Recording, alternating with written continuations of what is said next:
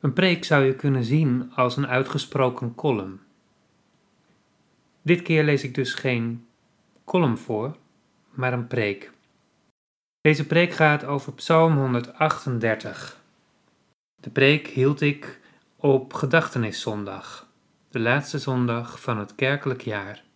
Dan herdenken we de mensen die het afgelopen jaar zijn overleden. Ik lees eerst de psalm maar eens even voor. Ik wil u loven met heel mijn hart, voor u zingen onder het oog van de goden, mij buigen naar uw heilige tempel, uw naam loven om uw liefde en trouw. Grote dingen hebt u beloofd tot eer van uw naam. Toen ik u aanriep, hebt u geantwoord, mij bemoedigd en gesterkt. Laten alle koningen op aarde u loven, Heer. Zij hebben de belofte uit uw mond gehoord. Laten zij de wegen van de Heer bezingen. Groot is de majesteit van de Heer. De Heer is hoog verheven. Naar de nederige ziet hij om. De hoogmoedige doorziet hij van verre. Al is mijn weg vol gevaren, u houdt mij in leven. U verdedigt mij tegen de woede van mijn vijanden. Uw rechterhand brengt mij redding. De Heer zal mij altijd beschermen. Heer, uw trouw duurt eeuwig. Laat het werk van uw handen niet los. Rouwen is een opdracht, een taak die je uit te voeren hebt tegen wil en dank. Er is geen ontkomen aan. In gesprek met mensen valt het me geregeld op hoe het leven haast opnieuw uitgevonden moet worden, hoe het perspectief soms van dag tot dag kan veranderen. Dat is lang niet altijd alleen maar verdrietig. Er is ruimte voor opluchting, dankbaarheid en berusting. Soms ook boosheid op God en het leven zelf. Het kost tijd en arbeid, soms zelfs heel veel, om het leven weer glans te geven. Geloof kan dan een baken zijn, een kurk waar je op blijft drijven. Maar geloof kan ook ballast zijn, verhalen waar je niets aan hebt. Rouwen vraagt om veel, maar waar het zeker niet om vraagt is theologie. Met theologie proberen we te verklaren. Dat brengt ons naar het hoofd.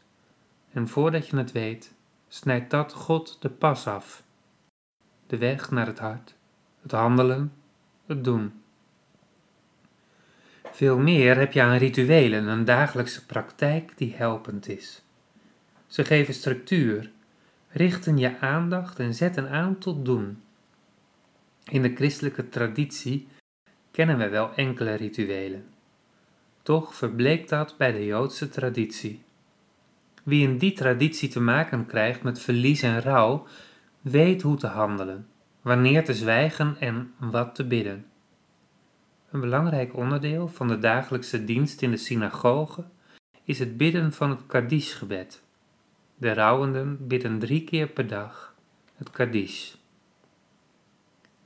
Opvallend genoeg is dit gebed geen treurdicht.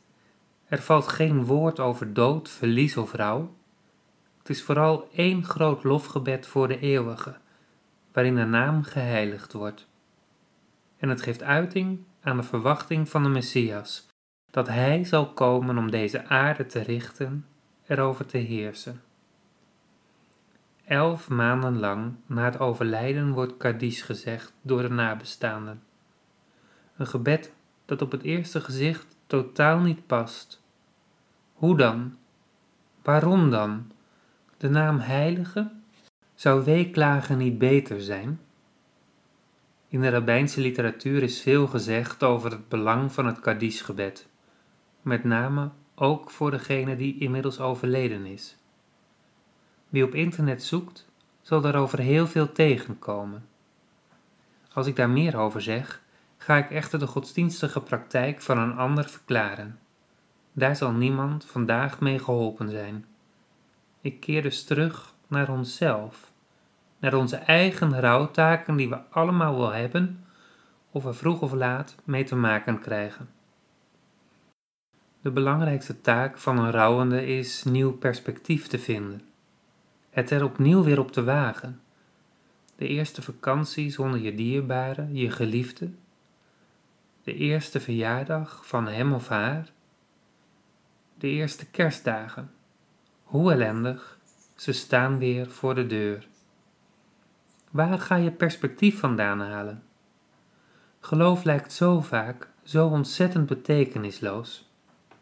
En daar helpt heus geen dominee aan. Bij Psalm 138, die ik zojuist voorlas, moest ik denken aan elf maanden Kaddish. Het is een loflied, samengevat met de woorden: Heer, uw trouw duurt eeuwig. Laat niet los het werk van uw handen. Je mag ook vertalen: Uw trouw duurt eeuwig. U laat niet los het werk van uw handen. De hele psalm stelt de Messiaanse tijd centraal, anders, maar vergelijkbaar met het Kaddischgebed van de rouwenden. Iemand op internet noemde Psalm 138 zelfs een alternatief Kaddish. Elke dag opnieuw deze psalm lezen. Niet alleen, maar in de gemeenschap. Minimaal met negen andere aanwezigen. Wat zou dat met een mens doen? Elke dag zelf de woorden spreken als opdracht, om niet van een heilige opdracht te spreken. Driemaal daags hardop de naam heiligen.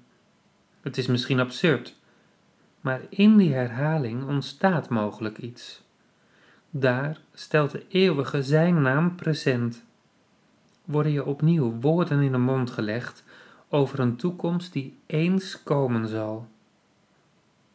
Maar deze woorden sluiten toch totaal niet aan bij het verdriet, de pijn en de rouw. Ik denk ook niet dat je deze woorden zo beluisteren moet, mocht je die taak op je nemen. Ze kunnen helpend worden, omdat je op die manier opgaat in een groter geheel. Het geheel van de generaties die de psalmen hebben gezongen. Generaties die daar kracht, moed en troost uit hebben geput. Ik vermoed dat je na verloop van tijd perspectief gaat zien als je het volbrengt. Het gaat er niet om dat je het gelooft. Het gaat erom dat het langzaam waar voor je wordt. Dat je gewaar wordt waar het leven om draait. Uiting te geven aan hoop, een hoger ideaal.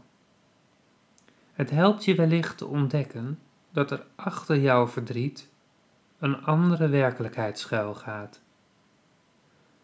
Deze woorden, misschien moeten ze wel elke dag klinken opdat ik het geloven ga.